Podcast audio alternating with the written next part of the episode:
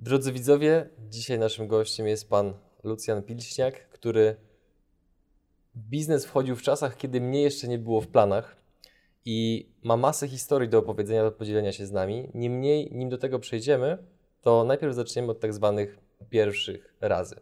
Jest pan gotowy, panie Lucjanie?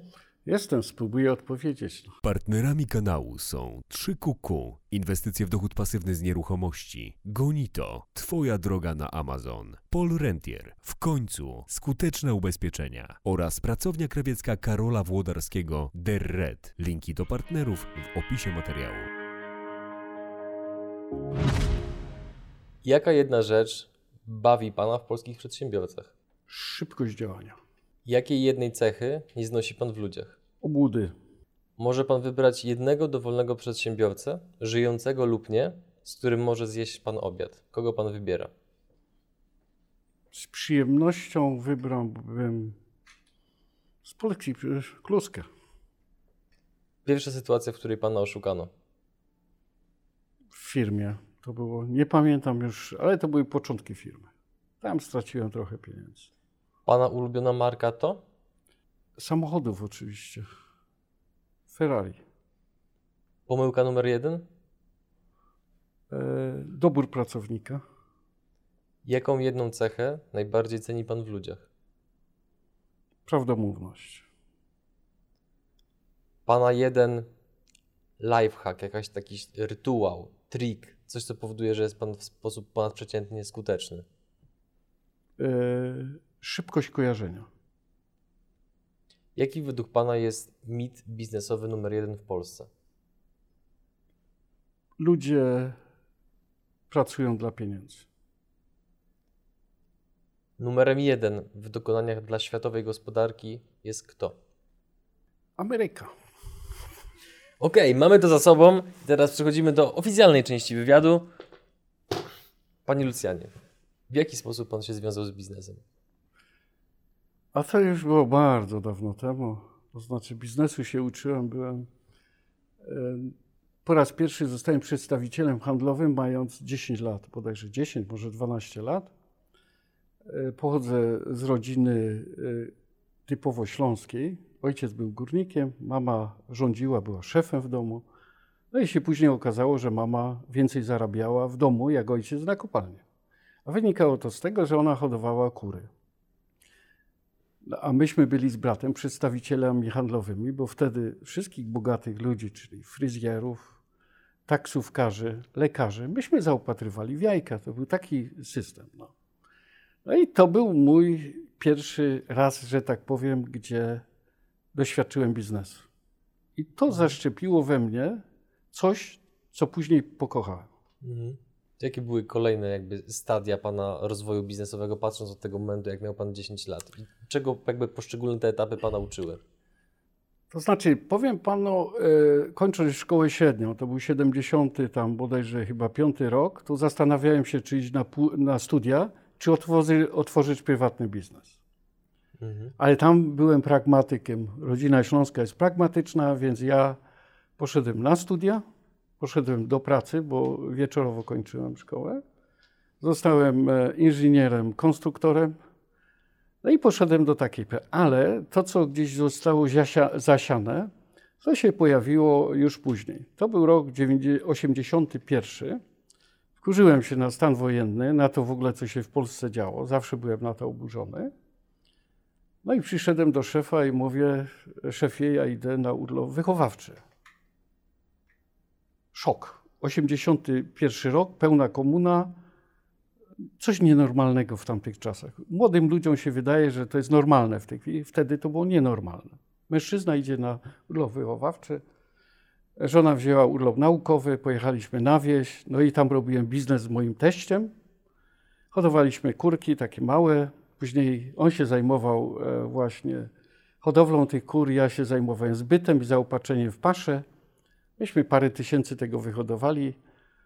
No i tam siedziałem na wsi sobie spokojnie przez rok czasu. Więc najlepsze czasy, jakie wspominam, tak? Czyli swoboda, a jednocześnie pieniądze były, Mhm. bo myśmy zarobili tyle, ja przynajmniej z mojej połowy zarobiłem tyle, co bym w pracy zarobił chyba przez 2-3 lata.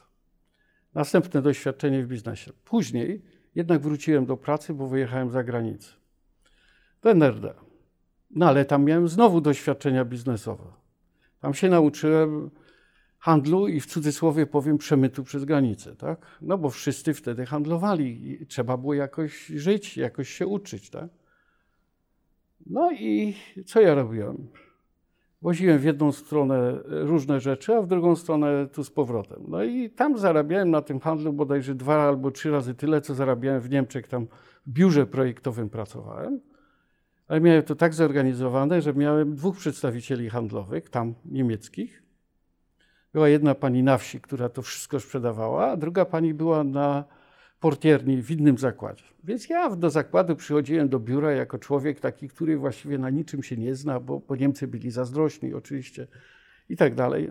No i tak sobie radziłem. W Polsce też miałem tu zbyt zorganizowany, tam e, włączyłem jeszcze kogoś tam z rodziny, tam mi mama pomagała właśnie e, w tym, w tym zbycie całym, ona to organizowała. No ja sobie tak przez tą granicę co tydzień jeździłem i przewoziłem to. Bardzo dobre doświadczenia, świetna nauka. Mhm. E, e, ona uczy właśnie przedsiębiorczości. Nie jest ważne, co. Wszystko można sprzedać, tylko jest ważne, jak to dobrze kupić. I tu się wyszkoliłem. Ja się specjalizowałem w czym?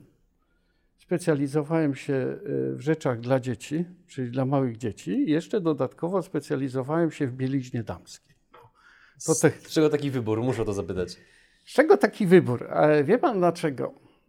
Dlatego, że e, ja miałem tyle pieniędzy, że musiałem coś przewozić. A nie można było przewozić tylko czekolad i tak dalej. Ja tego nie woziłem. Ja przewoziłem za duże wartości. Więc musiałem coś szukać takiego, co mi daje dużą wartość. A po, poza tym bielizna damska, kobiety zawsze lubią się e, ładnie ubierać i to zostało w kobietach.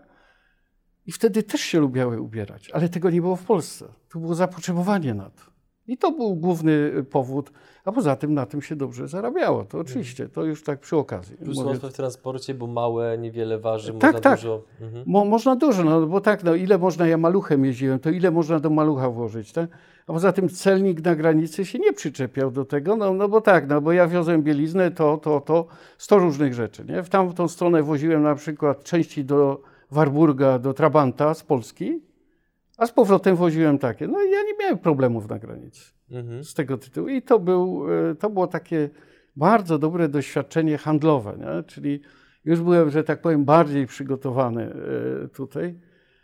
No ale przyjechałem, urodziło mi się dziecko, no i żona została w szpitalu na 10 miesięcy na intensywnej terapii. Przeszła tam 8 operacji, czyli takie doświadczenie życiowe znowu. No to ja poszedłem i praktycznie Znowu zrezygnowałem z pracy, bo miałem trochę kasy, poszedłem i właściwie byłem tam, e, w tym szpitalu byłem przez od rana do wieczora. Przy żonie. Przy żonie, ale ja powiem dlaczego też. Ponieważ e, żona miała przetokę na jelicie cienkim, czyli miała jelito wyciągnięte na zewnątrz i właściwie to się wylewał kwas solny na plecy i tak dalej. No więc ja musiałem coś wymyślić i wymyśliłem coś w rodzaju odsysania tego, nim to jeszcze wypadło na tą skórę. Czyli to było pod ciśnieniem, takie bańki i tak dalej. Stworzyłem taką aparaturę i właściwie ona dzięki temu, można powiedzieć, czuła się zdecydowanie lepiej i być może e, jej pomogłem w tym, żeby dalej funkcjonowała. I do Czyli dzisiaj. Wyręczył Pan trochę lekarzy i szpital? Nie, to była współpraca. To była Aha. współpraca. Ja tu miałem przyzwolenie e, e, ordynatora na coś takiego, bo wręcz nawet jeżeli była awaria tego w nocy czy gdzieś, to dzwoniono po mnie, bo, bo to była jednak specjalna konstrukcja. Nie będę tu o szczegółach mówił. Oczywiście. Ale ja miałem tyle zaufania u tego lekarza, że on na przykład był taki moment, gdzie on mi pozwolił żonę zawieźć do domu w trakcie tej choroby, a ja powiem, żona była na E, kroplówka przez 9 miesięcy. Cały czas jak była, tylko była sztucznie odżywiona. I on mi pozwolił przewieźć to wszystko do domu i ja tam obsługiwałem to. Czyli tu mhm. jakby pokazuje, bo to też swego rodzaju nowe doświadczenie i pokazuje, że jednak zawsze starałem się coś nowego zawsze robić. I mhm. to jest taka cecha, którą polecam wszystkim przedsiębiorcom, szczególnie młodym. Wymyślić coś nowego, co jeszcze nikt nie robił, Mhm. Bo to pozwala osiągnąć przewagę konkurencyjną i pójść do przodu i zrobić mhm. coś więcej niż trzeba.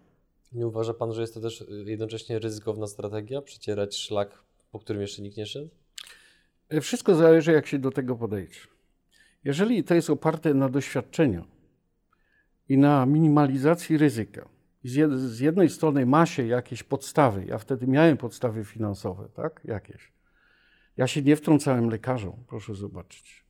Ja tylko im pomagałem z boku, bardzo cicho i spokojnie, dyskretnie, tak żeby oni nie czuli się urażeni.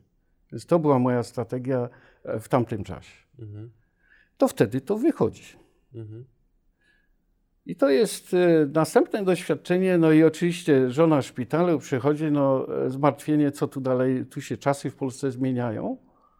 Ja przyjechałem wtedy z NRD już, to był 88 rok, to cały rok żona leżała w szpitalu. To jeszcze pozwolę sobie wtrącić, dużym problemem było wyjechanie do NRD, żeby tam pracować, no bo to są jednak dla wielu słuchaczy i widzów dość abstrakcyjne czasy. No i też, wie pan, często się słyszało o tym i nadal słyszę, że w komunie nie można było robić biznesu, a jednak no, jest mnóstwo przykładów osób, które w tamtym czasie robiły biznes w różny sposób, więc jak, jak to, ta specyfika powiedzmy prawna funkcjonowała? Można było, nie można było? Y, to znaczy tak, y, można było wyjechać, bo to zakład delegował. A ja na tyle byłem doświadczonym pracownikiem, już miałem wtedy stanowisko starszego projektanta, było, y, czyli wysłano mnie, delegację miałem do Niemiec, dlatego między innymi wróciłem. No, mhm E, do pracy tam z tego prywatnego biznesu wcześniejszego, żeby wyjechać, no bo tam się zarabiało kasę, a swoją drogą to wiedziałem, że były takie czasy, że trudno było przeżyć w Polsce na kartkach, no więc tutaj rodzina przez ileś lat miała się dobrze moja, tak, no, no bo mhm. nie tylko jak byłem, bo jednak były jakieś wyjazdy i tak dalej, po tych krajach e, tutaj demolunów były jakieś pieniądze, ale później też, no jednak te pieniądze mi pozwoliły na to, że mogłem je pracować przez następny rok, tak? No i, ale to się skończyło. Żona przyszła, no więc postanowiłem zrobić biznes jakiś, tak? No i otwarłem sklep mięsny. Jakby, co było bodźcem, żeby akurat otworzyć sklep mięsny? Miał Pan jakieś doświadczenie w tym wcześniej? I wtedy e, nie miałem, ale wtedy... To nie był kłopot? Nie, to nie jest kłopot. Wie Pan, dla... Mhm dla kogoś, kto umie analizować i kto umie e, jakby poczuć pewne rzeczy, ma doświadczenie mhm. i nie boi się przede wszystkim, nie boi się, bo w każdym nas to drzemie, tylko niektórzy ludzie nigdy tego nie umią wyzwolić, bo się boją. Ktoś się nie boi, to dla niego to nie jest problemem. Wszystkiego się można nauczyć. E, ja, ten sklep mięsny bardzo dobrze wystartował, bo przeniosłem coś, co było w NRD. Mianowicie tam w sklepach mięsnych, jak ja zakupy robiłem wcześniej do Polski, e, to sklepy, tam pozwalano tym sklepikarzom, żeby oni rozbierali mięso i mielili mięso w sklepie. W Polsce to było zakazane. Ja to przywiozłem wtedy w roku 90 i wprowadziłem to w moim sklepie. Od razu był rozbiór mięsa, świeżego mięsa, więc dla Polaków to była nowość. To nie tak jak w tej chwili idzie się do sklepu i coś się wybiera. Nie, wtedy była rąbanka tak zwana i co komu trafiło, to se brał, a tu nie, tu se mógł wybrać. Ja pan, czyli wartość dla klienta znowu. Mhm. I dzięki temu ten sklep zaczął funkcjonować bardzo dobrze. Później był drugi sklep, później e, była hurtownia e, mięsno-wędliniarska. Zbudowałem największą hurtownię na Śląsku. Całe pieniądze pan reinwestował, które pan zarabiał? Nie. Muszę panu powiedzieć, ja robiłem zawsze biznes e, z pieniędzy zarobionych. Przynajmniej w tamtych czasach mhm. można to było robić. Mhm. A nie ukrywam, w, tym czasach, w obecnych czasach też to można robić, tylko jest dużo trudniej. Mhm. Jeżeli się ma pomysł, to, to się robi niekiedy biznes bez pieniędzy. Ale w mhm. tamtych czasach te pieniądze, które zarabiałem, e, to od razu inwestowałem w firmę, jeździłem starym Fiatem, tak? Bo ja nie przywiązywałem dla tego wagi. Dla mnie było ważne rozwój firmy, pasja, którą dla mnie była firma, budowanie tego, to była dla mnie wartość. Bo jeżeli ktoś się ustawia na pieniądze, to jest trudno zbudować firmę. Dlaczego? E, dlatego, że pieniądz przysłania niekiedy decyzje, e, e, te, które się podejmuje dzisiaj, a efekty przyniosą kiedyś, tak? Mhm, jak ktoś widzi długofalowo, jak ktoś widzi pieniądze dzisiaj, tylko dzisiaj te pieniądze i widzi z drugiej strony tylko e, spożycie tych pieniędzy, przynajmniej na początku biznesu, bo później można to zmienić, to wtedy y, on się koncentruje tylko na bieżącym zysku i nigdy nie zbuduje firmy, nie zbuduje organizacji, nie zbuduje czegoś. Temu je, wtedy jemu żal to wydać na pracowników, jemu żal wydać na inne rzeczy. Tak? To jest Mhm. logiczne nawet. Tak? Mhm. Wczoraj jak byliśmy właśnie na kolacji, to powiedział Pan o tym, że Pan nigdy nie pracował dla pieniędzy. W jaki sposób to podejście w Panu się wykształciło, bądź kto je zaszczepił? Powiem panu, y, to nie jest tak dokładnie, że nie pracowałem dla pieniędzy. Pracowałem dla pieniędzy, tylko dla pieniędzy y, ważne jest to, kto jak te pieniądze używa później. Ja tych zarabiałem pieniądze, ale używałem je do rozwoju firmy, a nie do tego, żeby y, ładować na konsumpcję. Od razu, tak? No bo wtedy Mhm. biznes się wolniej buduje, przynajmniej na początku. To co powoduje, że niektórzy przedsiębiorcy właśnie idą jednak bardziej w konsumpcję, kiedy doświadczają tego pierwszego sukcesu finansowego, a inni, tak jak Pan na przykład, jednak inwestują z powrotem w firmę?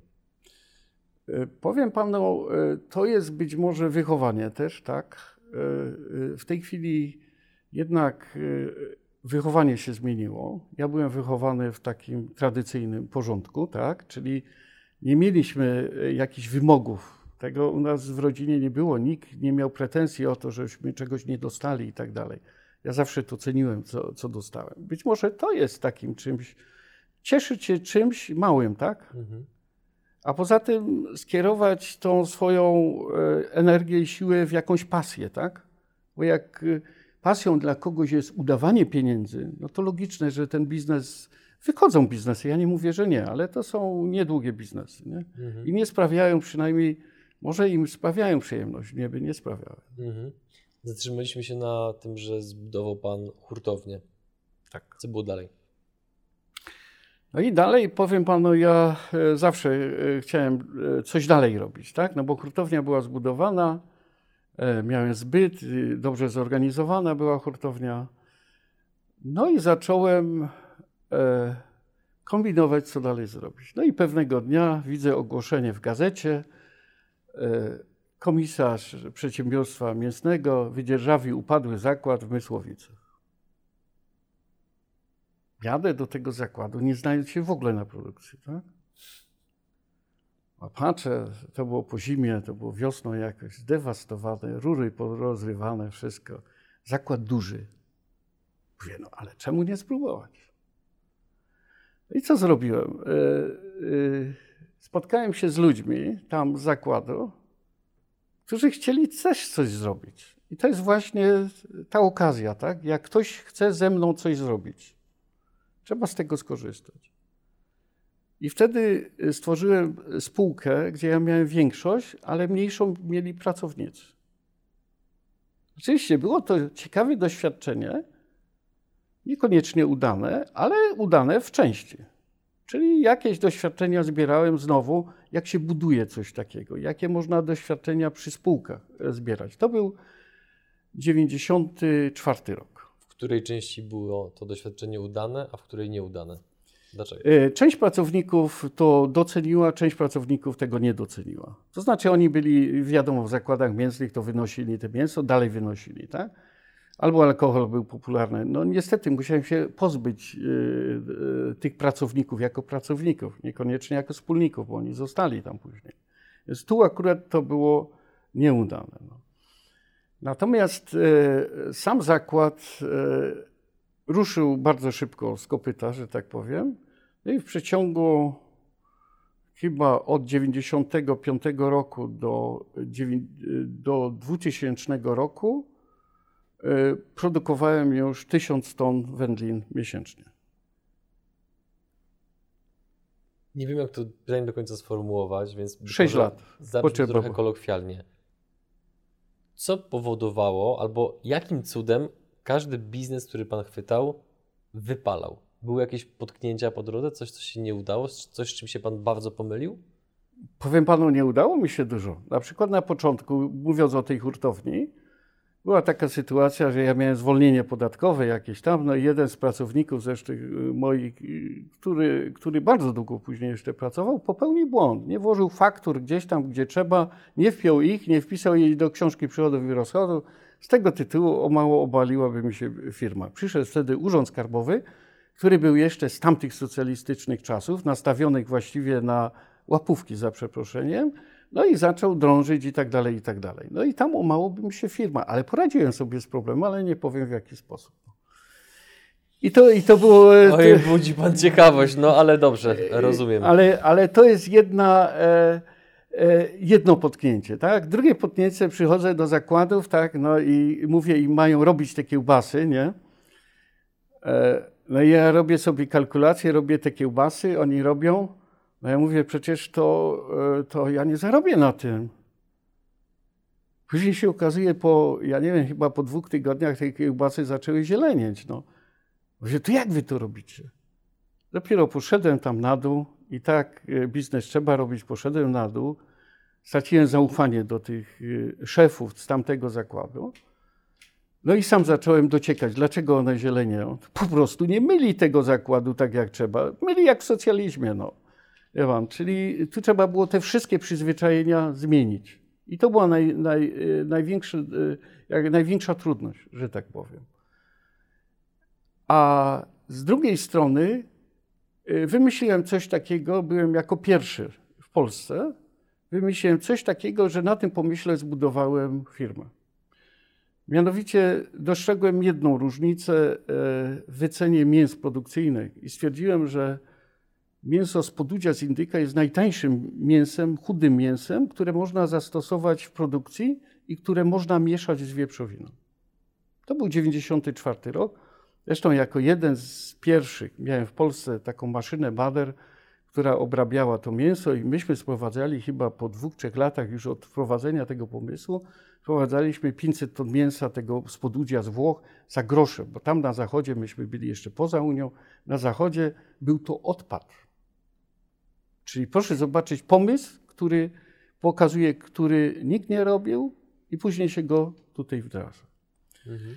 Ciekawy biznes zrobiłem na początku. Ja nie miałem pieniędzy przychodząc do zakładów. Nie? Ja raptem miałem na dzisiejsze pieniądze może 100 tysięcy złotych i zbyt. Ale jak zarobiłem tam pierwsze pieniądze, nie w sposób taki, że na mięsie, na wędlinach, tylko zarobiłem na zakupie długu. Przyszedłem, Prosimy o szczegóły. przyszedłem do zakładu, e, zaczynamy produkcję, a tu naraz światło gaśnie. Takie były czasy. Elektrownia wyłączyła. No dlaczego? Elektrownia, przedsiębiorstwo takie energetyczne wyłączyło. Bo mówią, no wy jesteście nam winni pieniądze. Mówię, ja, to nie my jesteśmy winni, to jest zakłady, te poprzednie zakłady się zadłużyły. A nas to nie obchodzi tam.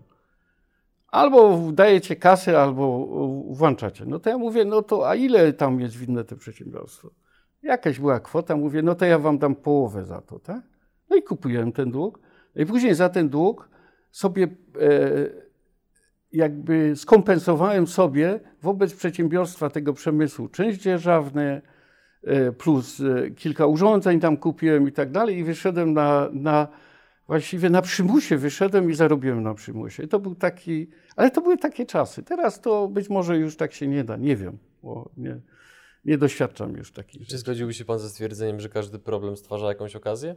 Tak, tylko problemy wymuszają w nas coś, co w nas drzemie, a czego nie ujawniamy. To jest właściwie, to jest sedno wszystkiego. Mhm. Jak nie ma problemów, to e, jak są pieniądze, nie ma problemów, e, e, to robi się maraz. Firma idzie w maraz. Też taki okres przeszedłem gdzieś tam w firmie, był taki. Wtedy właścicielowi zachciewa się pięciu dyrektorów, jeszcze asystentów i tak dalej. I co się robi wtedy? Informacja, ta, która idzie z dołu do góry, ona wydłuża drogę, a po drodze ludzie mają jedną cechę zmieniać tą informację. Głuchy telefon. Tak. I wtedy nie ma informacji, ten szef podejmuje złe decyzje, i wtedy proszę zobaczyć, co się dzieje z całą organizacją. Co jest receptą na taką sytuację? E, receptą jest skrócenie natychmiastowe drogi. I pójście tego właściciela czy szefa firmy na dół, rozmawianie z ludźmi, i wtedy, muszę powiedzieć, to zaczyna funkcjonować. Odwrotnie, czyli tak samo jak było poprzednio. Wrócić do korzeni, jakby. Oczywiście później można z nowym doświadczeniem ustawiać inaczej organizację. To nie znaczy, że to ludzie byli winni, tylko ja byłem winny wtedy. No bo ja widocznie źle ustawiłem ludzi, złych ludzi dobrałem i tak dalej, i tak dalej. Później to już się zaczęło udawać, tak? Czyli to są doświadczenia, które się y, nie uczy nigdzie. Mhm. Chociaż y, parłem też tu na wiedzę taką teoretyczną, bo nie miałem tej wiedzy jako inżynier. No i kilka osób, między innymi ja, myśmy się szkolili. y, Jest, jest taka instytucja, oni pracowali na materiałach y, Harvardu y, w Warszawie. To były pierwsze szkolenia, takie poważne szkolenia.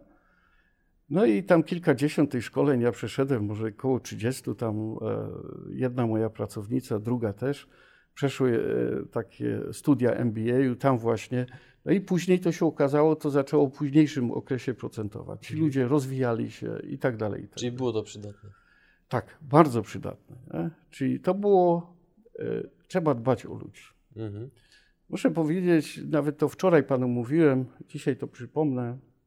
Jak zacząłem zarządzać tam w hurtowni, to ja robiłem tak zwane 90, może to był piąty rok, szósty rok. Spotkania roczne i na tych spotkaniach rocznych były przyznawane wycieczki zagraniczne. I tych wycieczek było kilka. W 95 roku dla przeciętnego pracownika wyjechać za granicę, gdzieś na Majorkę albo gdzieś tam i tak dalej, to było coś niesamowitego. Ja przeznaczałem na to pieniądze, ale żeby ta organizacja żyła tym, ona żyła przez tydzień, bo byli pracownicy, wybierali pracowników, nominowali ich do, e, do tej nagrody, do tego losowania i później tam chyba bodajże z 15 osób było losowanych tam, nie wiem, 7, może 8 nagród tych wycieczek. Niesamowita nobilitacja dla ludzi, dla firmy, związanie ludzi tak, z firmą. To był jeden z pierwszych pomysłów, jakie ja wprowadzałem, jeszcze z własnego jakby doświadczenia. Mocno to podnosiło morale zespołu? Niesamowicie. To jest, wie pan, to tylko poprzez zaufanie e, dla ludzi można coś budować. Czyli tak jak ja zaufałem na tym, co źle zrobiłem, zaufałem ludziom, a później się okazało, zaufałem nie tym, co trzeba, tak? Ale to nie znaczy, że nie trzeba, że trzeba ludziom nie ufać. To jest zupełnie coś odwrotnego. Jak ktoś nie ufa ludziom, to nigdy nic nie zbuduje. On zostanie zawsze sam. A wszyscy wokoło to powiedzą, będą mu błędne informacje dawać. Bo się go boją. No bo on nie ufa. Człowiek to wyczuwa jeden drugiego. Tak? Tak, wyczuwam. Wyczuwa. To nie Mhm. trzeba mówić. To, to się wyczuwa. I to jest coś, co, e, że tak powiem, mama mnie nauczyła. Ja to zawsze mówiłem jako coś złego, że ja ufam wszystkim ludziom, a nie nauczyła mnie nie ufać ludziom. I się zastanawiałem, co jest lepsze, czy ufać, czy nie ufać. I co jest lepsze? Ufać. Bo nawet jak ktoś się zawiedzie na kimś, to dalej powinien innemu, nieznanemu człowiekowi zaufać. No bo w przeciwnym razie on zostanie sam. Prywatnie, czy zostanie sam w biznesie. Oczywiście on zarobi pieniądze. Ja nie mówię, że on nie zarobi, nie będzie miał dostatniego życia. Tak. Ale jeżeli pasją kogoś jest budowanie biznesu, czegoś większego, to on tego nigdy nie zbuduje. To jest taki, to jest moja uwaga do, Mhm. do To tej... a, a propos pomyłek w biznesie, to jaką pomyłkę Pan wspomina najbardziej pod kątem tego, że była ona dla Pana wręcz żenująca, wstydliwa? Że teraz to aż można się z niej po prostu śmiać. Pomyłkę w biznesie, e, powiem panu, to bardziej w doborze pracowników. Tam, tam były jakieś pomyłki, tak? Czyli zaufałem komuś, a później, e, czyli bardziej tu na tym polu. Na, Mhm. Natomiast na tych innych polach raczej, raczej mi się udawało podejmować słuszne decyzje. Albo słuszne decyzje w połowie, tak? No bo to też jest sukces, uważam. Nie? Mhm. A w jaki sposób Pan mm, jakby rozpracowywał poszczególne branże, produkty? No bo wszedł Pan w branżę mięsną, nie mając o tym pojęcia. To jest, no, nie wiem, czy to jest częste zjawisko, natomiast częściej się spotykam z przedsiębiorcami, którzy jednak mieli pewne doświadczenie w jakiejś branży, powiedzmy jako pracownik i tak dalej, i dopiero weszli w to jako przedsiębiorca. A przedsiębiorców, którzy nie mieli w ogóle pojęcia o jakiejś branży i wchodzą w to i potem osiągają tak duży sukces jak Pan, no to to jest historia chyba dość nietypowa. E, Powiem panu, to wynika e, z indywidualnych cech, myślę. że albo to ktoś ma, albo nie ma, tak? E, Ja się tego nauczyłem pracując jako projektant, tak? Więc tam jako projektant musiałem zawsze coś nowego wymyślać. Przynajmniej ja sobie narzucałem sam sobie takie cele. E, Myśmy robili projekty organizacji robót i przebudów. To była nietypowa. Myśmy pracowali dla kopalni, czyli przesuwanie wież i tak dalej. Tam potrzebna była e, wiedza taka nie podstawowa, a taka wiedza, że coś trzeba tam było zawsze wymyślić nowego, tak? Taka kreatywność. ta kreatywność. I tego się nauczyłem tam. Tam się nauczyłem dyscypliny, bo jednak miałem szefa socjalizm, ale miałem szefa takiego z twardą ręką. A poza tym moje wynagrodzenie w socjalizmie, ja powiem, to był wyjątek. Wynagrodzenie było takie, że podstawowe wynagrodzenie stanowiło połowę pensji, a druga połowa to była premia. Coś niesamowitego, jak ja to mówię, ktoś słyszy, ale były takie enklawy w socjalizmie, gdzie tak pracowano. I mnie się udało, że ja pracowałem w takim zespole. I tam się nauczyłem, później tam poznałem ludzi, e, których później poznałem. Jeden na przykład został e, dyrektorem e, w Banku Śląskim na przykład, stanowisko dyrektora z pracowni projektowej, a wcześniej pracował jako górnik na kopalni. Tak? Czyli proszę zobaczyć, jak te ludzie, jak te historie się przewijają tam. Mhm. No, czyli to są. e, Jak ja to robiłem? Ja zawsze, jak coś robię, to muszę sam tego dotknąć. Czy muszę się tego najpierw nauczyć? Nauczyć się jedynie można przez doświadczenie. Teoria jest teorią, teorię można przeczytać w książce, ale trzeba tego doświadczyć. Otwierałem kurtownię, to ja rozmawiałem z klientami. Ja decydowałem o zamówieniach, tak? czyli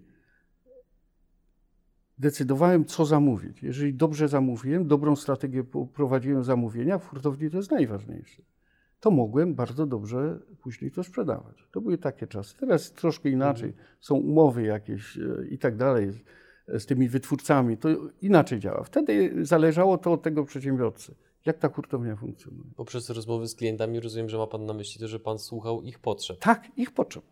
To były potrzeby. On mówił mi tak. I ja osobiście decydowałem codziennie o wszystkich cenach tam w hurtowni. Miałem wydruk. E, już wtedy, to będzie 93 rok, już w komputerze miałem to tak zorganizowane, że miałem podgląd do komputera, gdzie wszyscy dostawcy na dany produkt pokazywało mi, zestawiały mi wszystkie ceny. A z drugiej strony ja ustalałem ceny wtedy na hurt, na detal, ustawiałem centralnie ceny. Też ciekawe doświadczenie. Wtedy można było. I ja decydowałem o cenie, bo cenę, jaką ja postawiłem tam, o tym mówił klient. Bo on przyszedł i mówił mi tak, ja kupiłem tą szynkę tam po tyle. No to ja tak, albo obniżałem cenę, albo podwyższałem cenę. Dzięki tej informacji ja uzyskiwałem Porównywałem to później e, z kolegami, którzy hurtownie tam prowadzili. Ja miałem marżę średnio 50-60% wyższe, jak oni mają. nie? Mhm. Czyli dzięki takiemu prostemu działaniu. Tak? Mhm. W tej chwili to zanika, tak? Proszę zobaczyć, to się inaczej już prowadzi biznes, ale pewne elementy z tego można skorzystać. Mhm. Co było dalej, jeżeli chodzi o rozwój hurtowni i całego tego zakładu? No zakład był, później e, e, następnie po zakładzie otworzyłem następną firmę, która zajmowała się handlem zagranicznym. Właśnie to była e, potrzeba. Kupowaliśmy te podudzie we Włoszech, czyli trzeba było to przywozić, tak? No więc tam dogadałem się z panem taki, który pracował na Węgrzech, on dostał udziały nawet w tej firmie i on prowadził tą firmę. I on się zajmował zakupem dla nas, ale tak samo pod potrzeby innych. A później, w późniejszym okresie, zajął się tak samo sprzedażą wyrobów, wykorzystując ten transport, logistykę. Tak? Marże u nas są niskie, więc tutaj można było wygrać na logistyce. I to był taki następny element do, do tej firmy, która brakowało. W jaki sposób Pan pozyskał tego człowieka do współpracy i jaką wysokość udziałów Pan mu przydzielił? 30%. Dlaczego 30%? Y, Dlatego, żeby on się czuł w miarę swobodnie, tak. Y, y, I z drugiej strony, proszę zobaczyć, ja musiałem mieć przewagę, żeby nie stracić władzy nad tym, ale on był na tyle zadowolony, że on miał jednak udziały tam, w tym mógł je sprzedać. Później nawiasem mówiąc je odsprzedał, też tu, tam były odkupione, czyli zarobił. Później losy jego się potoczyły dalej tam, bo ja miałem taką historię, e, e, tam e, miałem pożar później, więc przy tym pożarze tą, że tak powiem, przejął tą firmę, praktycznie to mhm. oddzielił się. No i do dzisiaj funkcjonuje i jestem zadowolony z tego, że, mhm. że coś takiego miałem, taką przygodę w tym biznesie. Mhm. Czy z perspektywy czasu ma Pan jakieś podpowiedzi, sugestie dla widzów, słuchaczy odnośnie właśnie konstruowania spółek? W jaki sposób wchodzić w nie z głową? Powiem Panu, że ja uważam, że nawet do tego stopnia, bo że można e, władzy raczej spółki nie, nie, nie wolno tracić, bo to powoduje, to nic dobrego nigdy nie przynosi. Ale można nawet. Ma Pan na myśli pakiet kontrolny. Pakiet tak? kontrolny, mhm. ale jeżeli chodzi o pieniądze, to nawet można oddać więcej komuś, y, byle realizował pewną ideę, która jest w całym systemie ważna. Tak? Mhm. Czyli może ktoś nawet mieć 60% udziału w zyskach, a ma 49% y, udziału w głosach na walnym zgromadzeniu. Mhm. Czyli to jest, y, bo wtedy jest pewnego rodzaju równowaga się tworzy. Ktoś się nie czuje oszukany, tak? Bo to też o to chodzi. Nie? To prosimy o dalszą część Pana historii biznesowej. E, ona znowu była burzliwa, ta dalsza część, mianowicie e, zbliżała się Unia do nas krokami, 2004 e, rok, tak? Bo to bodajże chyba. W każdym razie, no to ja już myślałem, co dalej robić, tak? Zakłady trzeba było przystosować do, do dużej produkcji, można było z środków unijnych skorzystać i tak dalej, i tak dalej. I stwierdziłem, że będę budował firmę dosyć dużą, no bo przewidywania były takie, że albo małe, bardzo małe przedsiębiorstwa, albo bardzo duże. Ja zaryzykowałem, mówię, idę w duże. Tak? Ale na to potrzebne były pieniądze. Część pieniędzy y, dostałem e, z Unii Europejskiej na budowę zakładów, ale żeby te zakłady mogły dobrze funkcjonować i rozwijać się, to musiałem gdzieś znaleźć pieniądze. No i wtedy podjąłem decyzję i kupiłem udziały upadającej spółki giełdowej. Znalazłem nowy pomysł. Kupiłem to za grosze. Ktoś się pozbyć chciał, bo ta spółka już była totalnie e, e, leżała, że tak powiem. No i co zrobiłem? Zrobiłem restrukturyzację tej spółki i tak dalej, i tak dalej. Tam e, z bankami się dogadałem. Sprzedałem nieruchomość, jedną, drugą w tej spółce. Wyczyściłem tą spółkę, a pomysł był taki, e, żeby przez tą spółkę te firmy mięsne pozyskały kapitał. I jako pierwszy w Polsce zrobiłem tak zwane odwrotne wejście tylnymi drzwiami przez kuchnię do, na giełdę. Mała spółka, e, czyli ta giełdowa spółka, została połknięta przez e, te przedsiębiorstwa. Mianowicie wyceniłem te przedsiębiorstwa, w zamian e, za wartość tych przedsiębiorstw przejąłem, później jeszcze dokapitalizowałem tą spółkę, czyli praktycznie te firmy weszły na giełdę. Tam pozyskałem kapitał i częściowo dokapitalizowałem, częściowo tam w tamtej spółce zostałem. Ale muszę powiedzieć, tu było bardzo duże, e, nie znałem się na prawie jeszcze wtedy.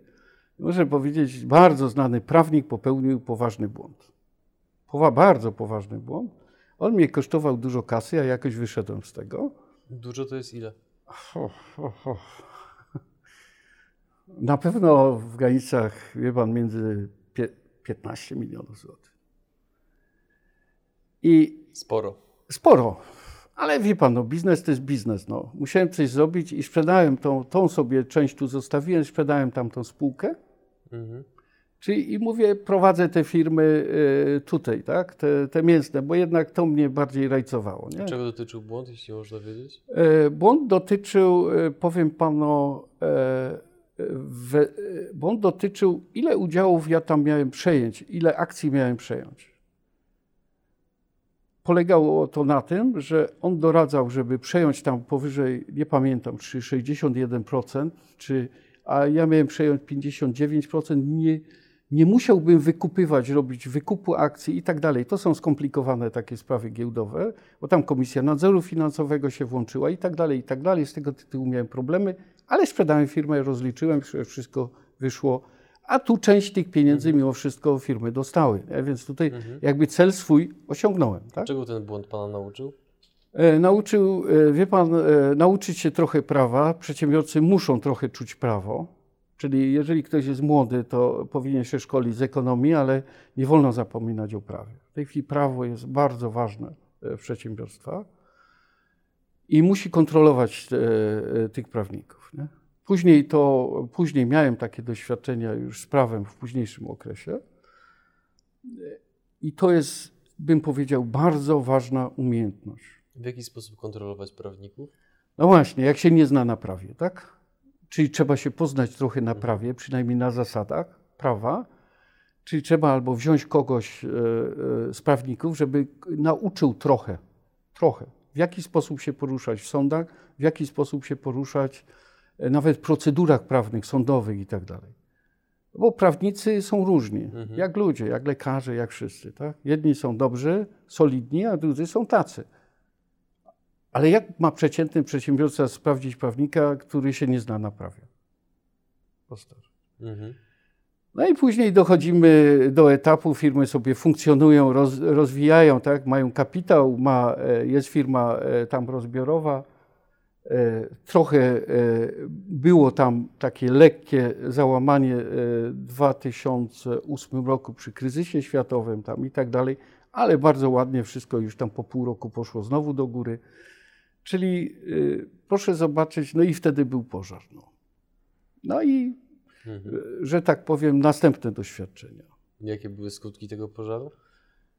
Praktycznie spalił się jeden zakład, zupełnie Mysława. To były dwa zakłady połączone ze sobą. E, zakład Mysława się zupełnie spalił, a e, drugi zakład e, się nadpalił. Mhm. Miałem problemy z ubezpieczycielem, duże mhm. problemy. Obydwa zakłady upadły. Mhm. Tylko tyle mogę powiedzieć na ten temat. Rozumiem, że zmienił Pan kierunek kariery zawodowej. Tak. To znaczy, wie Pan, ja w międzyczasie miałem taką załamanie zdrowotne, o którym później może mhm. powiem. Ale duch został, tak? Budowania czegoś nowego, ale nie małego, tak? Czyli mhm. rozwiązywanie dużych problemów. Szukanie problemów, takich dużych problemów, które są jeszcze nierozwiązane. No i na przykład znalazłem, zacząłem myśleć, e, e, zacząłem nawet e, pomidory hodować i tak dalej, tam jakieś wino robić, ale z winogron, z polskich winogron, już umiem to zrobić, wytrawne wino kupowałem tam i tak dalej. Jeździłem e, po tych winiarniach i tam przy okazji gdzieś zajechałem na, patrzę, plantacja malin. No i kupiłem tych malin. Ja zacząłem myśleć, mówię, przecież te maliny, byłby bardzo dobry sok z tych malin, tylko on by był, musiał być naturalnie wyciskany na zimno. Z miąższem razem. Tylko jak się pozbyć tych pestek? Bo wtedy to jest idealny produkt. Oczywiście do tego wchodzi jeszcze inna technologia, o której tam nie mówię, bo tam jeszcze są pewne. Ja zacząłem pracować nad tą technologią. Jakoś tam e, jakieś poskładałem, tam e, jeszcze jakieś urządzenia e, takie, coś poprzerabiałem, coś porobiłem. No i udało mi się e, stworzyć taką e, linię do, e, do, do tych oddzielania pestek. Nie? I popatrzyłem na to nie ze względów tu tego oddzielania, bo to jest tylko jeden z elementów ale to jest y, całość rynku. Okazuje się, zacząłem drążyć, okazuje się, Polska jest największym producentem malin w Europie. Na świecie bodajże drugim, trzecim, niekiedy o pierwsze miejsce się przeciera, a Polacy wysyłają jak to? W postaci surowca to wysyłają za granicę, nie w postaci gotowych produktów. Wysyłają, ale to jest mały udział. Maliny się albo się przerabia na sok zagęszczony, więc to jest bezwartościowy sok i to jest stosowane E, w tych napojach, z soku zagęszczonego to jest robione, albo wysyłane w postaci mrożonej jako surowiec, jako mrożone maliny. Tak? Nie ma nic pośredniego takiego, produktów takich, które można by było e, bez pestek miąższ, coś, e, coś w rodzaju smoothie, tak, malinowe. Czy mógłby Pan wyjaśnić przy okazji, co to znaczy, że sok jest zagęszczony? Zagęszczony, ja powiem naturalnie zagęszczony, ponieważ jest to sok włącznie z miąższem. Czyli nie jest to sok, sam sok. Normalną technologią odzyskiwania soku to jest na przykład e, wyciskanie. Można na prasach wyciskać, ale ten miąższ, większość tego miąższu zostaje na tej prasie. Tu jest technologia taka, że tylko pestki odchodzą. Więc to jest rzędu tam, e, rzędu 15-20% e, z maliny odchodzi, tak? ale miąższ cały przechodzi mhm. łącznie sokiem, czyli jest to naturalne i na zimno wyciskane. Wtedy mając tego typu surowiec, można robić różne rzeczy, żeby to tylko pasteryzować, czy, e, czy na przykład zaprawiać miodem, albo jeszcze mhm. inne historie takie. Można bardzo ciekawe produkty robić. No i, a to jest moje takie hobby, które sobie tam nawet sam sobie to robię z kolegą, tam z takim dobrym kolegą już e, mhm. z mojego rocznika, z dawnych czasów sobie coś tam robimy. No, no i... Ma pan 65 lat. To co pana wciąż, e, absolutnie też nie, nie twierdzę, broń Boże, że w tym wieku to już człowiek nie powinien nic, nic robić, niemniej osób w pana wieku ja znam niewiele, które mają taki, nazwijmy to po angielsku, drive, jeżeli chodzi o rozwijanie biznesu bądź robienie czegokolwiek jednak no, często się słyszy o takim trochę kulcie emerytury w Polsce, że wiele osób myśli o tym, żeby do tej emerytury dotrwać i potem, żeby jakoś żyć, a pan chce podbić rynek malin. Skąd, skąd to się bierze w panu ten taki. Po pierwsze, nie wiem, czy podbije, czy nie, bo to Życzę nie jest ważne, panu. ale to nie jest ważne, wie pan.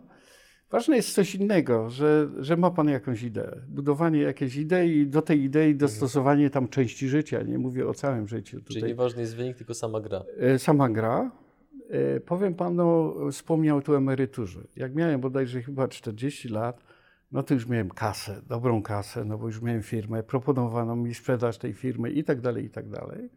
Zresztą jak byłem tam na na giełdzie, to proponowano mi tam za, za moje akcje ponad 100 milionów złotych, więc ja też tego nie sprzedałem. W jaki sposób oparł się pan tej pokusie? No bo wie pan, to prosto sprawdzić, to jest idea. Jak chciałem coś robić, a nie, a nie, nie mieć pieniądze, no, no bo to, mhm. wie pan, to, to są takie dwie różne rzeczy. Nie? Może nie różne, to można jedno z drugim pogodzić. By, być może częściowo błąd popełniłem, bo być może trzeba było sobie część zostawić. Nie? tam i tak dalej. Oczywiście ja nie będę mówił tu wnikał, bo sprzedać część akcji. O. Jasne. Natomiast mając te 40 lat, to wracam do tego tematu, to ja mówię tak, będę miał 45 lat, pójdę na emeryturę. Jak minęło 45 lat, to ja się zastanowiłem, co będę miał kasę.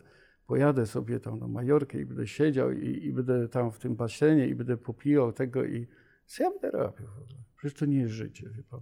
Dla mnie życie to, jest, e, to są ludzie, to są kontakty, to, to jest takie bycie, tworzenie czegoś, rozmawianie, wie pan, o, o jakiś nowy, o czymś nowym. To, dla mnie to jest pasją. Nie? Jak to minęło, to stwierdziłem, e, moim życzeniem to jest e, pracować, oczywiście nie tak jak wcześniej, ale pracować spokojnie do końca życia. Wtedy można zachować właściwie samego siebie, swoje idee, osobowość można zachować. I prze, przede wszystkim człowiek nie staje się młodym dziadkiem, jak ja to mówię. Mhm. Zbliżając się powoli do końca wywiadu, chciałbym, żebyśmy jeszcze porozmawiali chwilę na temat tej trudnej sytuacji, która Pana spotkała, a propos wylewu, który był skutkiem gigantycznego stresu. Jakie ma Pan wspomnienia z tamtym okresem? Powiem panu, z jednej strony mam straszne wspomnienia, no bo e, wylew krwi to był podpańczynkówkowy e, wylew i 50 e, na 50 miałem szansę przeżycia. Lekarz powiedział, trzy dni przeżyłeś, to będziesz żył. No. no ale jak się pozbierać z wylewu, to jednak zostawia jakieś tam ślady. Oczywiście ten wylew podpańczynkówkowy pozostawił ślad taki, że jednak miałem jakieś problemy z pamięcią i tak dalej przez pierwsze e, jeden rok, dwa, trzy, ale musiałem znaleźć e, coś zastępczego. Nie mogłem pracować w pracy, no bo by to poszło dalej, tak? Znowu byłby wylew, nie? Mhm. A jednak chciałem zmienić trochę życie i poszedłem w innym kierunku. Mówię, muszę się w jakiś sposób zrehabilitować. No i zacząłem się rehabilitować, wymyśliłem na ten czas, na ten czas właśnie okresu rehabilitacji, wymyśliłem, że będę hodował pomidory od zera, nie znając się na tym. Nie? No jakieś osiągnięcia mam w, tym, w tej hodowli, no bo e, cała rodzina, wszyscy są zadowoleni, że mają teraz e, jedzenie. Moje córki, które są wegetariankami, tak, czyli jedzą te pomidory, to całe lato już czekają na to. E, a poza tym osiągnięcia są takie, taką nową metodę znowu wymyśliłem tam hodowli, troszeczkę zmodyfikowaną, to ona jest przede wszystkim na oborniku, ale trochę z profesjonalności też dodałem. No i z tego wyszło e, znowu jakaś pasja i, i, i radość. I uważam, największe doświadczenie z tego to był powrót do czegoś, że człowiek się może cieszyć z małych rzeczy. Bo to jest cieszenie się z małych rzeczy. Hodowla pomidorów to jest mała rzecz, ale która może bardzo cieszyć i dać szczęście w życiu. Nie tylko pieniądze. Panie Lucjanie, dziękuję za przemiłą rozmowę, za poświęcony czas, no i przede wszystkim, że przyjechał Pan do nas z tak daleka. Mam nadzieję, że widzowie, podobnie jak ja, są zachwyceni tym wywiadem, bo podzielił się Pan ogromem swoich doświadczeń swojej wiedzy, więc trzymam kciuki za wszystkie sukcesy i życzę, być może, wiem, że to nie jest celem, ale byłoby miło, podbicia rynku malin w Polsce, jak i w Europie, no i może na świecie. Dziękuję bardzo, a ja e, powiem jedno. E, będę bardzo zadowolony, jak przynajmniej 1% e, skorzysta ktoś z tego, co ja mówiłem, tak? czyli z tych doświadczeń. Dla młodych ludzi przede, dla młodych ludzi przede wszystkim tutaj, młodym ludziom tego życzę, tak? żeby oni niekiedy pomyśleli najpierw, nim coś zrobią i tak spokojnie podeszli do tego wszystkiego. Tego im życzę. Dziękuję bardzo. Dziękuję bardzo.